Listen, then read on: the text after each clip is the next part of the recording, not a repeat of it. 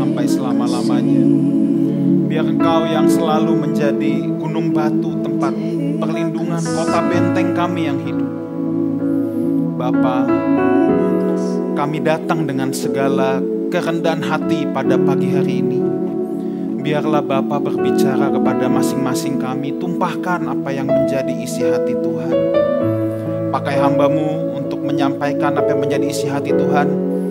Buang segala perkataan yang sia-sia, yang tidak perlu dilepaskan, biar hanya isi hati Tuhan saja yang boleh diperdengarkan pada pagi hari ini.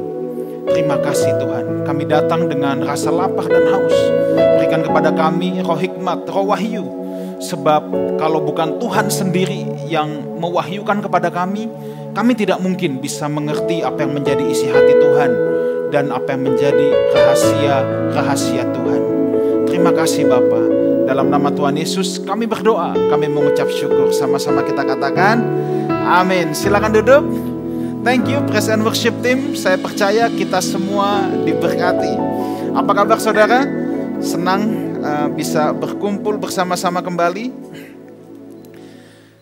Dan dalam dua bulan ini kita akan membahas tentang the life, segala sesuatu tentang kehidupan ini. So for the next two months selama bulan September dan bulan Oktober kita akan membahas segala sesuatu tema yang bertalian, yang berhubungan dengan kehidupan ini. Tema besar kita adalah the life, tentang kehidupan.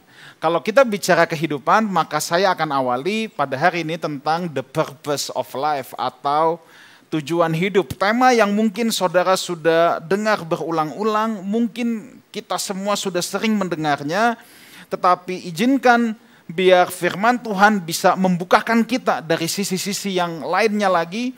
Sebab tema ini ironinya sekalipun banyak orang sering mendengarkannya, tetapi hanya sedikit orang yang sudah menemukannya. Itu persoalannya.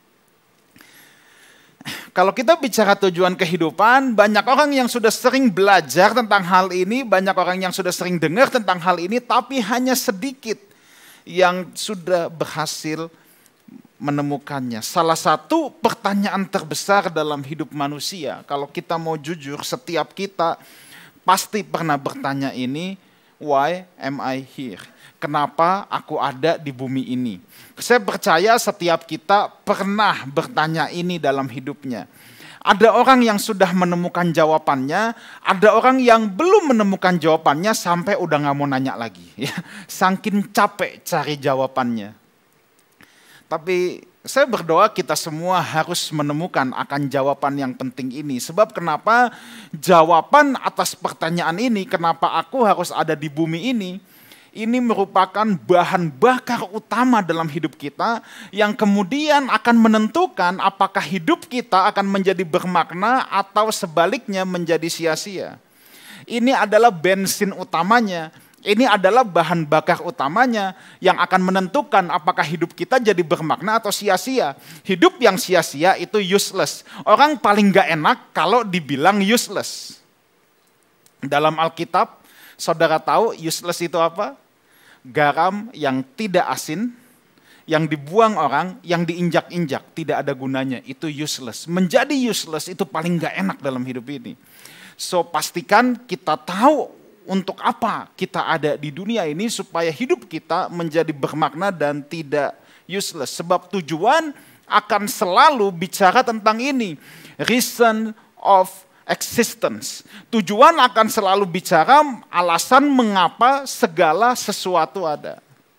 Kalau kita tahu tujuan kita, kalau kita tahu alasan mengapa segala sesuatu ada, maka kita tidak akan nyasar karena kita punya arah. Orang yang nggak punya tujuan itu nggak punya arah.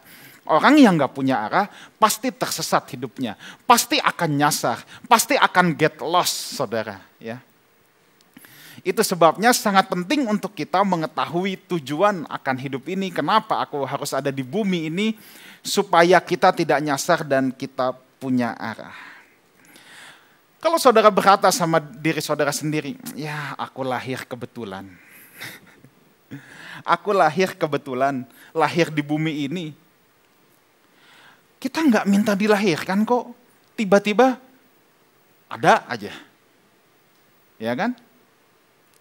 Mungkin ada yang pernah berpikir seperti demikian. Saya harus beritahu kalau kita berpikir bahwa kita adalah kebetulan hadir di bumi ini, maka kita tidak akan bisa menyelesaikan kehendak Tuhan dalam hidup kita. Kalau kita berpikir bahwa kita hanya just accident, hanya kebetulan kita ada di dunia ini, kita tidak akan pernah bisa menyelesaikan kehendak Tuhan dalam hidup kita. So, kalau kita tahu kenapa kita ada di bumi, arah kita jelas, hidup kita jadi bermakna. Saya akan mulai dengan ini. Mazmur 139 ayat 13 sampai 14. Saya akan berikan fondasinya dulu, saya akan berikan landasan berpikirnya dulu. Oke, Mazmur 139 ayat 13 dan 14 saya akan bacakan. Ya, sebab engkaulah yang membentuk buah pinggangku menenun aku dalam kandungan ibuku. Aku bersyukur kepadamu oleh karena kejadianku dahsyat dan ajaib. Ajaib apa yang kau buat dan jiwaku benar-benar menyadarinya. Mazmur Daud ini sangat luar biasa saudara. Daud bilang engkau yang membentuk buah pinggangku, menenun aku dari dalam kandungan ibuku. Ya.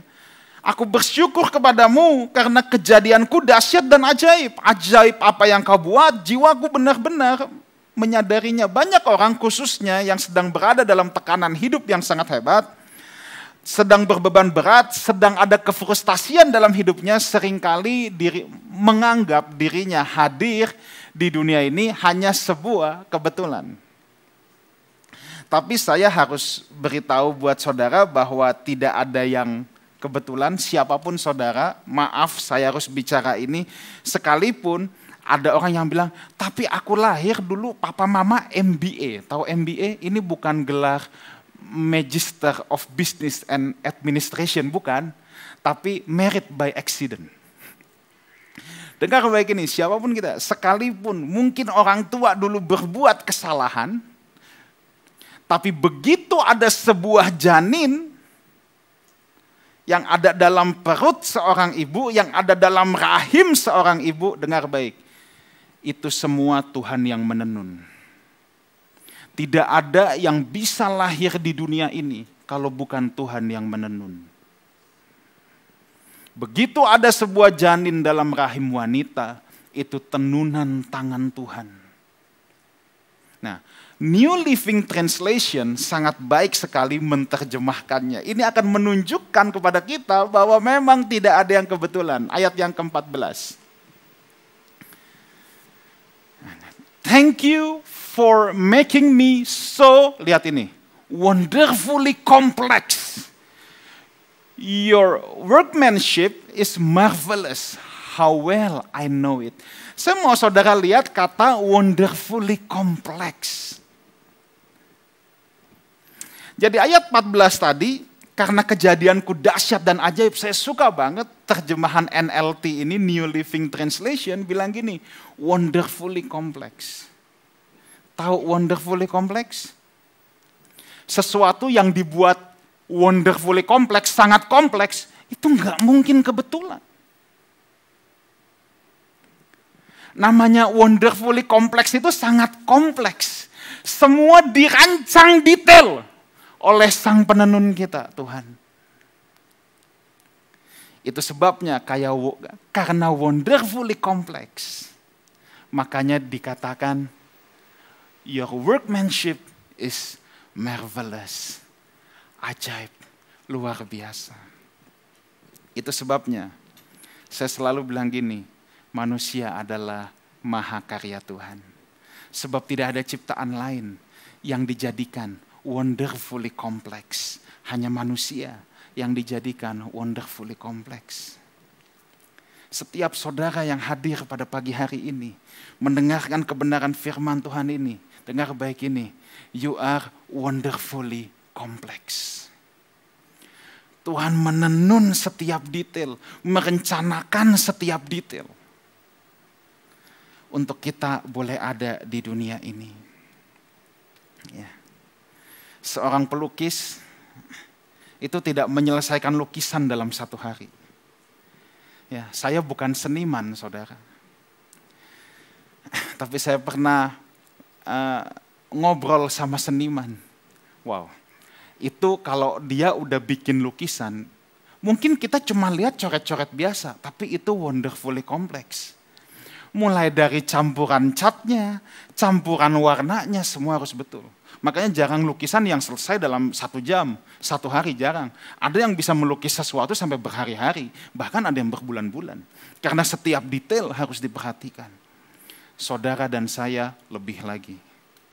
We are wonderfully complex.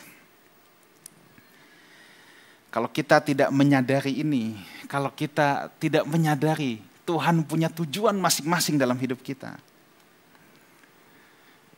kita akan punya kecenderungan menyia-nyiakan hidup ini.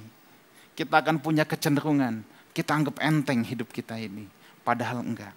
Nah, saya mau memberikan secara sederhana dan secara cepat saja dua prinsip tujuan. Prinsip yang pertama, Mazmur 19 ayat yang kedua. Nanti saya akan tutup dengan praktikalnya, dengan aplikasinya. Sekarang saya berikan landasan berpikirnya dulu. Mazmur 19 ayat yang kedua. Langit menceritakan kemuliaan Allah dan cakrawala memberitakan pekerjaan tangannya. Dengar baik ini, prinsip yang pertama. Ciptaan menceritakan kemuliaan penciptanya.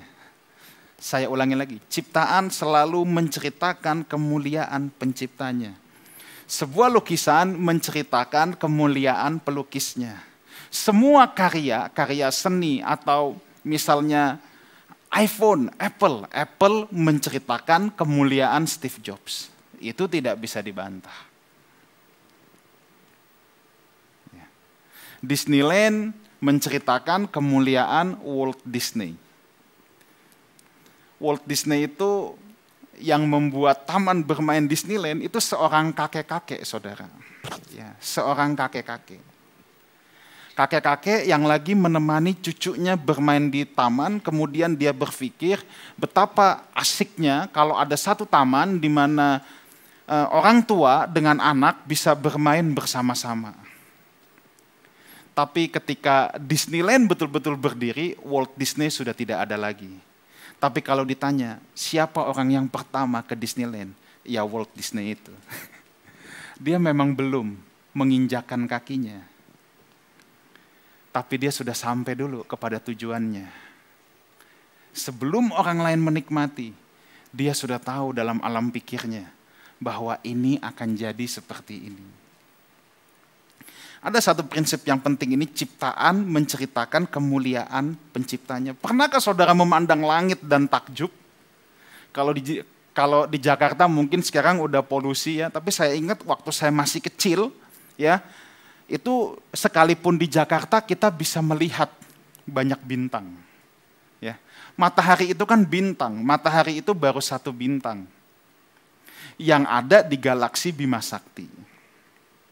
Oke. Nah, dalam galaksi Bima Sakti ini sedikitnya ada 100 miliar bintang, ada 100 miliar matahari. Saudara bisa bayangkan itu ya. Jadi bumi ini kan mengelilingi matahari, matahari pusatnya. Dan di galaksi Bima Sakti ini minimal ada 100 miliar bintang. Dan di alam semesta ini minimal ada 100 triliun galaksi. Betapa luar biasanya. Tapi saya harus beritahu saudara gini. Memang itu semua luar biasa. Makanya Alkitab bilang langit menceritakan kemuliaan Tuhan. Tapi ketika Tuhan menciptakan semesta ini, ketika Tuhan menciptakan seluruh semesta dan isinya, Tuhan hanya berkata, sungguh baik. Tetapi ketika Tuhan menciptakan manusia, Tuhan berkata, sungguh sangat amat baik. Very best. Ciptaan lain, sekalipun langit yang begitu luar biasa, yes menceritakan kemuliaan Tuhan. Tapi itu masih dalam tataran sungguh baik. Tapi manusia, Tuhan bilang gini, sungguh amat baik. Sederhana aja, seharusnya yang menceritakan kemuliaan Tuhan paling hebat adalah manusia. Saya ulang lagi. Sebenarnya yang seharusnya menceritakan kemuliaan Tuhan paling gamblang adalah manusia. Makanya begini, hanya manusia yang diciptakan segambar dan serupa dengan Tuhan. Kenapa? Jawabannya sederhana aja. Karena manusia punya tugas untuk menggambarkan Tuhan. King Kong tidak diciptakan segambar serupa, ciptaan lain tidak diciptakan segambar serupa. Sehebat-hebatnya galaksi ini, bintang-bintang, tidak ada yang diciptakan segambar dan serupa. Hanya manusia, sebab cuma manusia yang punya tugas untuk menggambarkan Tuhan dalam hidup mereka, dalam eksistensi mereka. Itu hanya manusia yang punya tugas itu. Pertanyaannya, apakah kita menggambarkan Tuhan atau tidak? Ini nih tugas yang sangat berat. Makanya kita punya visi duta-duta Allah. Duta besar Tuhan. Menjadi perwakilan Tuhan. Dan ini a serious job. Ini tough job. Ini hal yang sangat sulit. Sebagai duta-duta Allah, apakah hidup kita menceritakan kemuliaan Allah? Bukankah seharusnya kita semua yang membawa pesan-pesan Tuhan? Ya. Langit aja bisa menceritakan kemuliaan Allah. Langit aja bisa membawa pesan Tuhan. Apalagi hidup saudara dan saya. Harus lebih lagi. Kita punya tanggung jawab untuk membawa pesan Tuhan dalam hidup kita. Mungkin saudara bilang gini, Pastor, tapi saya bukan pengkhotbah, tapi saya bukan sekolah Alkitab. Dengar baik, setiap saudara bisa membawa pesan Tuhan dalam hidup saudara dengan cara saudara masing-masing. Dan untuk orang yang mau menjadi pembawa pesan Tuhan, saya mau kasih kabar baik. Yohanes 3 ayat 34. Dengar baik ini, setiap saudara yang hidupnya mau membawa pesan Tuhan dalam hidupmu, siapa pun pasti bisa. Kenapa? Itu bukan karena kuat gagah kita, itu bukan karena hebat kita. Sebab siapa yang diutus Allah, dialah yang menyampaikan firman Allah. Oke? Okay? Karena Allah mengaruniakan apa? Rohnya yang tidak terbatas. Siapa pun saudara, saudara diciptakan untuk membawa pesan-pesan Allah dalam hidupmu, dan engkau pasti bisa. Sebab bukan kuat, bukan gagah kita, tapi Tuhan yang mengaruniakan rohnya yang tidak terbatas untuk saudara dan saya. Menyampaikan firman Allah bisa dengan cara yang berbeda-beda. Tidak setiap saudara harus berkhotbah, tapi saya percaya apa pun profesi saudara, saudara bisa untuk membawa pesan Allah. Sebab bukan kuat, bukan gagah kita, tapi Tuhan yang mengaruniakan rohnya yang tidak terbatas untuk kita. Persoalannya, maukah kita memberi diri kita untuk menjadi penyampai pesan Allah dalam hidup ini? Maukah kita membuka hati kita? Maukah kita membuka diri kita? Supaya ini Tuhan utus aku, ini Tuhan pakai aku Tuhan. Dalam setiap apa pun yang aku kerjakan, in whatever I do. Pakai aku Tuhan untuk jadi pembawa pesan-pesanmu. Setiap kita adalah utusan Allah. Dan ketika kita membawakan pesan Tuhan, kita nggak perlu jadi sombong, kita nggak perlu jadi gede kepala, kita nggak perlu merasa pewahyuan ini milik kita. Kita nggak usah merasa paling hebat, kita nggak usah merasa paling benar. Sebab memang bukan kuat kita, bukan gagah kita. Tapi karena rohnya yang tidak terbatas, yang dicurahkan kepada saudara dan saya. So, ingat ini prinsip yang pertama. Ciptaan menceritakan kemuliaan penciptanya. Dan tidak ada yang lebih bertanggung jawab di seluruh jagat raya ini untuk menceritakan kemuliaan Tuhan selain manusia. Manusia adalah yang paling bertanggung jawab. Yang paling bertanggung jawab itu manusia. Karena kita maha karyanya Tuhan. Alam semesta hebat, tapi alam semesta bukan maha karya Tuhan. Maha karya Tuhan itu cuma satu, manusia yang dihembuskan rohnya sendiri, yang dikasih gambar dan rupanya. So, jangan ada yang merasa diri saudara tidak berarti, hanya remahan rengginang, hanya serpihan debu. Ya. Makanya jangan apa jangan banyak dengar lagu yang yang apa namanya tidak alkitabiah. Entah kita dibilang butiran debu lah, apalah. No, you are wonderfully complex. Prinsip yang kedua, bertanyalah sama penciptamu. Sebab dia yang paling tahu. Ada orang tanya tujuan hidup, tanya sama pendetanya. Jangan tanya sama saya, sebab saya nggak tahu. Bukan saya yang menciptakan saudara. Sorry, but I have to tell you this.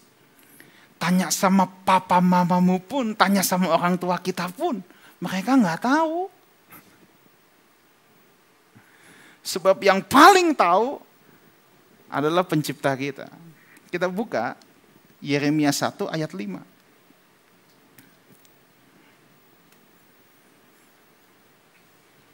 Tadi kita sudah baca di kitab Mazmur ya. Orang tua itu mau tahu rupa anaknya aja harus tunggu berapa bulan dulu kan? Lewat mesin USG sekarang makin lama, makin canggih, ada 3D, 4D, 5D, ya saya nggak tahu lah udah udah apa sampai berapa D ya. Tapi tetap yang paling tahu itu Tuhan. Tuhan yang membentuk dari buah pinggan. Nah sekarang Yeremia 1 ayat 5. Sebelum aku membentuk engkau dalam rahim ibumu. Tuh lihat belum ada di rahim. Aku telah mengenal engkau. Tidak ada orang, tidak ada sosok, tidak ada pribadi yang lebih tahu masalah hal ini selain Tuhan sendiri. Sebab sebelum ada dalam rahim pun, Alkitab bilang, aku telah mengenal engkau. Dan sebelum engkau keluar dari kandungan, aku telah menguduskan engkau. Aku telah menetapkan engkau menjadi nabi bagi bangsa-bangsa. Memang ini konteksnya untuk Yeremia, tapi dengar baik semua manusia. Bahkan sebelum dalam rahim orang tua kita, Tuhan sudah mengenal kita. Tapi masalah gini, Tuhan tidak bekerja lewat cara yang instan. Tuhan mengenal kita dan Tuhan mau kita juga mengenal dia.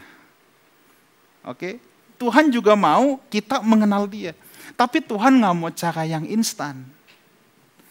Tuhan mau kita bergumul sama Dia, Tuhan mau kita punya pengalaman pribadi dengan Dia, Tuhan mau kita punya jam doa dengan Dia, Tuhan mau kita bersekutu dengan Dia, dan Tuhan kasih the manual book untuk kita boleh mengenal Dia, yaitu Alkitab. Tapi berapa banyak orang yang nggak mau baca Alkitab? lebih suka nungguin penglihatan daripada baca Alkitab. Loh iya. Lebih suka tungguin nubuatan daripada baca Alkitab. Saya nggak bilang nubuatan itu nggak ada, saya nggak bilang penglihatan itu nggak ada. Tapi dengar baik ini, kalau kita males baca firman Tuhan, kalau kita males merenungkan firman Tuhan, terus kita cuma mau tungguin nubuatan, tungguin penglihatan, kita nggak akan mendapatkannya. Selalu saya bilang, dapat penglihatan itu tidak susah. Saudara puasa nih 10 hari aja, di hari ke-10 pasti dapat penglihatan. Bebek panggang.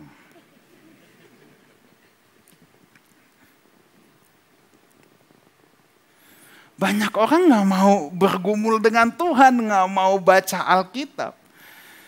Setiap karya ciptaan itu pasti ada manual booknya waktu saya mengunjungi uh, Museum Art and Gallery di Sydney. Ada benda-benda karya seni yang kata ini hebat. Kadang-kadang saya bingung, maaf saudara, ada jamban yang dipajang, kata ini karya seni hebat. Saya tuh sampai bingung, kok jamban karya seni hebat? Itu ada storynya, ada ceritanya. Saudara beli barang elektronik yang seberapa hebat pun, itu ada manual booknya, ya kan? Tapi sedikit sekali orang yang mau baca manual book itu kan.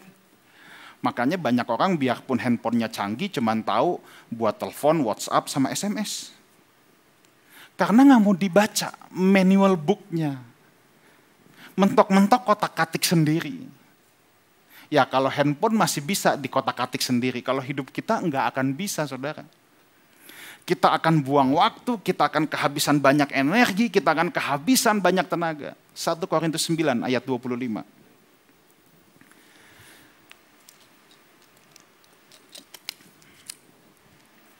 Tiap-tiap orang yang turut mengambil bagian dalam pertandingan menguasai dirinya dalam segala hal. Mereka berbuat demikian untuk memperoleh suatu mahkota yang fana, tetapi kita untuk memperoleh suatu mahkota yang abadi. Setiap saudara dan saya pasti pasti akan ada dalam sebuah pertandingan. Tanpa terkecuali, setiap saudara dan saya pasti ada dalam sebuah pertandingan. Pertanyaan saya, saudara ada di pertandingan yang mana? Sebab kalau saudara salah masuk arena, saudara akan capek, saudara akan buang waktu. Saudara nggak akan jadi maksimal karena salah masuk arena. Pertandingan yang mana? Ini yang harus kita kenali. Yes. Dalam hidup saya, saya tidak pernah menyesal menghabiskan waktu di bangku sekolah Alkitab 10 tahun. Kurang lebih 10 tahun. Saya nggak pernah menyesal itu. Karena saya tahu di arena mana Tuhan tempatkan saya untuk berlomba. Di arena mana Tuhan tempatkan saya untuk bertanding. Satu angkatan saya kira-kira ada 200 orang. Dulu waktu sekolah Alkitab. Dan kalau saya lihat hari ini mungkin yang benar-benar dalam tanda petik untuk pelayanan dalam tanda petik ya, pelayanan di gereja, menggembalakan dan lain sebagainya, less than 25%, less than 30%. Ada yang buka toko HP, ada yang buka warteg, ada yang buka ini. Enggak, bukannya salah. Tapi lu ngapain sekolah Alkitab kalau mau jadi tukang handphone, iya kan? Buang waktu, ngapain? Mengenali pertandingan mana yang harus kita ikuti itu sangat penting. Kalau saudara atlet badminton jangan datang ke stadion voli.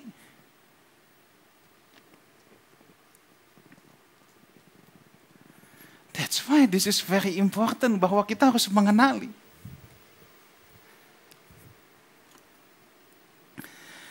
Dan di sini dikatakan tiap-tiap orang yang turut mengambil bagian dalam pertandingan, setiap kita punya pertandingan kita masing-masing. So, jangan membandingkan pertandingan saudara dengan pertandingan orang lain. Jangan dibandingin. Bahkan dalam satu arena yang sama pun, fungsi dan peran saudara bisa beda seperti pemain sepak bola sama-sama masuk stadion sepak bola tapi sampai di lapangan fungsinya nggak tentu sama. Ada yang jadi kiper ada yang jadi pemain tengah. Pemain tengah aja nggak sama. Ada yang jadi playmaker ada yang jadi pemain sayap. Sih begitu spesifiknya. Dan ini sama dengan hidup kita. Yang tahu kita diciptakan untuk apa, itu cuma Tuhan. Karena sangat spesifik sekali. Nah, dengar baik ini. Tujuan hidup yang telah Tuhan bentuk dalam masing-masing kita, ini yang saya suka pakai istilah ini. That is God's signature in our life. Itu seperti tanda tangan Tuhan dalam hidup kita. Begitu uniknya, begitu spesifiknya. Tidak ada orang yang sama satu dengan yang lain. Kan tanda tangan tidak ada yang sama. Maka saya suka bilang, kalau kita bicara tujuan hidup, it's like the God signature in our life.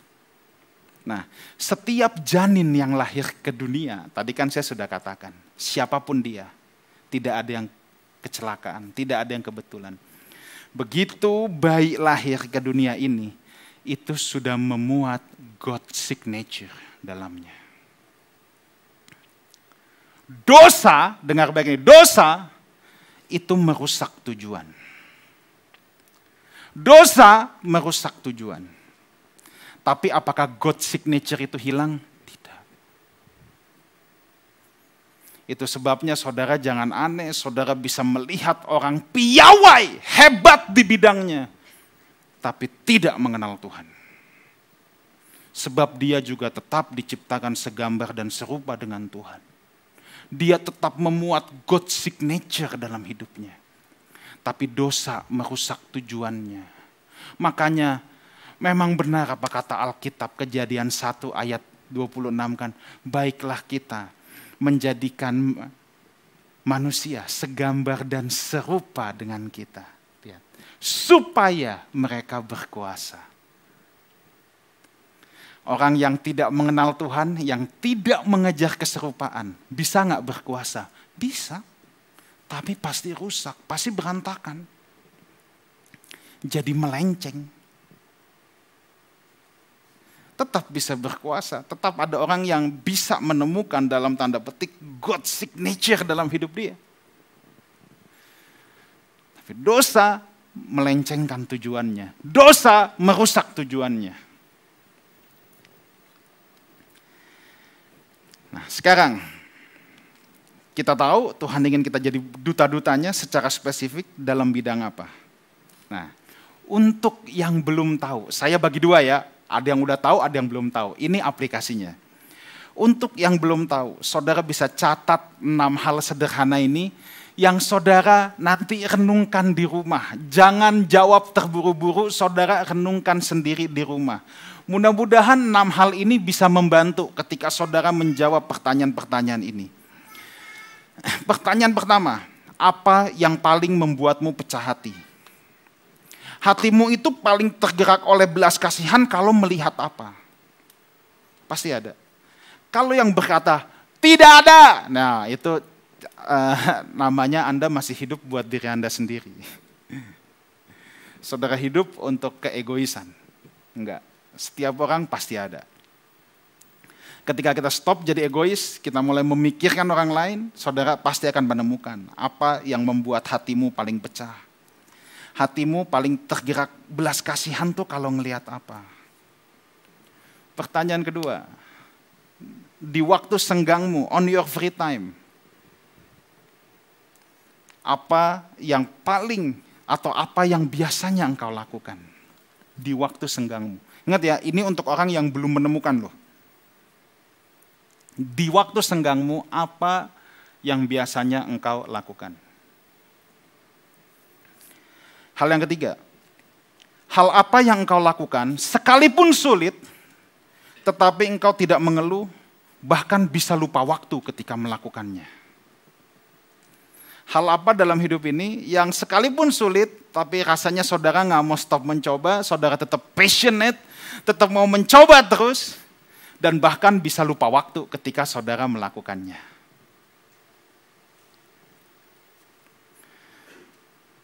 Kalau hal yang bukan saudara, baru bentar juga udah berontak biasanya. Saya bukan penyanyi saudara ya. Kalau saya nyanyi pasti nggak ada beda sama baca puisi, beda-beda tipis. Maka saya pernah ngelihat orang di rekaman, diulang berkali-kali sampai kata berkata, saya tuh buset ini orang buang waktu banget ya.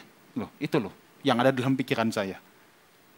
Kan kalau rekaman harus persisi banget kan.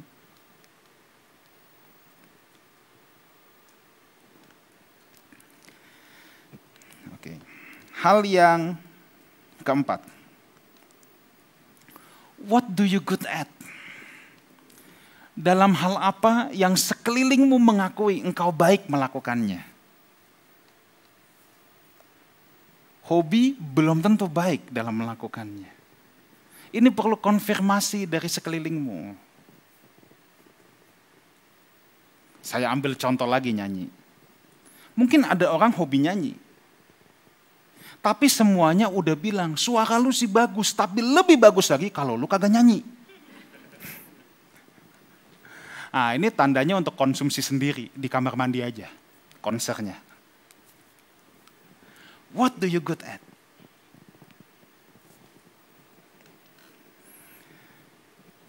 Yang kelima, apa yang engkau sangat senang lakukan sekalipun tidak dibayar?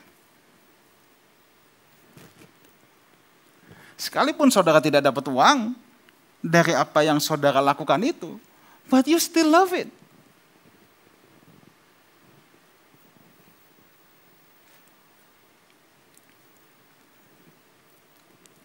Yang keenam, hal apa yang sering menginspirasi hidupmu?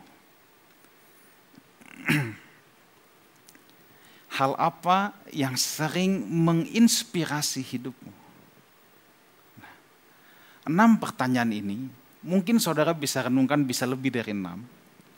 Tapi kalau saudara merenungkan, menjawabnya pelan-pelan, mungkin saudara akan ketemu satu benang merah. Sekarang, untuk yang saudara bilang, saya sudah menemukan. Dapat dikatakan saudara sudah sukses. You can reveal apa God signature dalam hidup saudara. Terbukti dari apa yang kau kerjakan berhasil. Oke, pertanyaannya, apakah engkau sudah mempersembahkannya untuk Tuhan? Atau masih untuk kesenangan diri sendiri aja? Apakah sudah memberikan added value buat orang lain? Apakah sudah memberikan nilai tambah dalam hidup orang lain, dalam hidup sekelilingmu? Kalau belum, yes, mungkin saudara sudah sudah menemukan dalam tanda petik the God signature itu. Tapi ada sesuatu yang membuat arahnya salah ada sesuatu yang membuat tujuannya melenceng. Sebab tadi saya sudah katakan, orang bisa aja tetap mengeksploit apa yang menjadi God signature dalam hidup dia. Sebab siapa pun dia, ya, Kristen atau non-Kristen, begitu keluar dari rahim ibunya, Tuhan punya spesifik God signature. Tapi dosa merusak dan melencengkan hal itu. Apakah sudah men, sudah memberikan added value nilai tambah dalam hidup orang lain.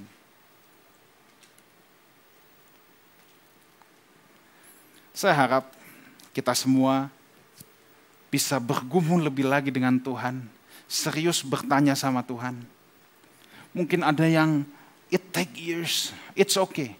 Tapi saudara harus tetap terus mengasah ini supaya ketika saudara sudah ada dalam pertandingan yang benar pun saudara semakin tajam dalam apa yang Tuhan panggil untuk saudara melakukannya. Pemain musik boleh maju ke depan. Mungkin saudara sudah ada dalam course yang tepat, dalam pertandingan yang tepat. Ingat, jangan stop untuk mengasah ini. Saudara harus makin tajam. Mungkin saudara sudah sudah menjadi dampak buat orang lain. Saudara sudah memberikan added value, nilai tambah dalam hidup orang lain. Tapi jangan stop sampai di situ, terus asah terus asa. Ada sesuatu yang lebih lagi yang Tuhan mau kerjakan dalam hidup saudara. Sampai kita semua menjadi pembawa pesan Tuhan. Mungkin saudara bukan pengkhotbah, selamanya tidak jadi pengkhotbah, enggak masalah. Tapi lewat apa yang kau kerjakan, engkau bisa membawa pesan Tuhan. Dan jangan ada yang berkata, aku nggak mungkin bisa. Enggak, itu bukan engkau. Bukan karena kuat dan gagahmu, tapi karena Tuhan akan mengaruniakan rohnya yang tidak terbatas. Untuk orang-orang yang mau membuka dirinya, membuka hatinya, untuk dipakai Tuhan menjadi duta-dutanya. Amin.